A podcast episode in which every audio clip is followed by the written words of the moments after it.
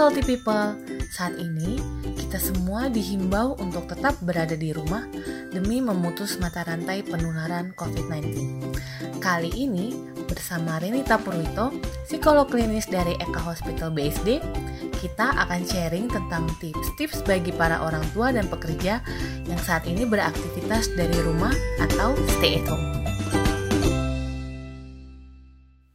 Pandemi yang terjadi saat ini pada akhirnya juga berdampak pada anak-anak.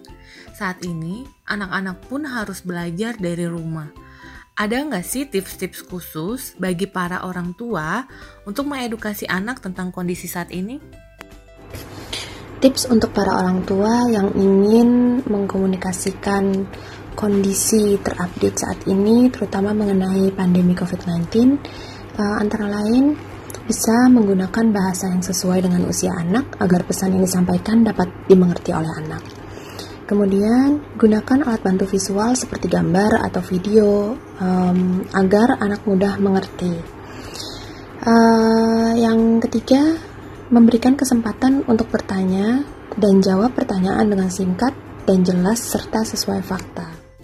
Terakhir nih bagi para pekerja, Work from home juga perlahan-lahan menimbulkan kejenuhan dan sebagian besar orang mulai merindukan aktivitas normal mereka. Ada nggak sih sebenarnya hal-hal positif yang bisa kita ambil selama bekerja di rumah? Beberapa hal positif yang bisa diambil selama kita bekerja di rumah antara lain adalah menghemat uang pengeluaran dan menghemat waktu perjalanan. Karena kita stay at home, work from home, jadinya kita nggak perlu mengeluarkan uang dan kita nggak perlu khawatir mengenai waktu yang kita habiskan di jalan menuju ke kantor.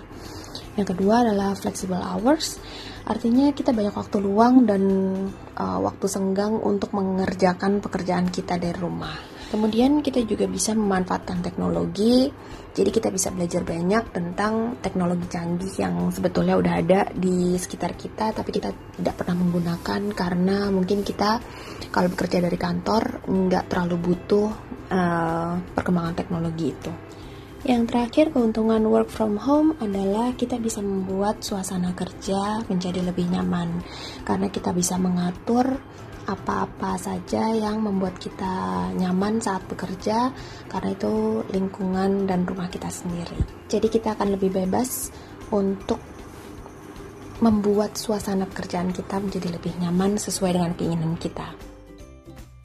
Nah, demikian tipsnya. Semoga bermanfaat buat kita semua yang sedang berada di rumah atau bekerja dari rumah. Stay safe, stay healthy.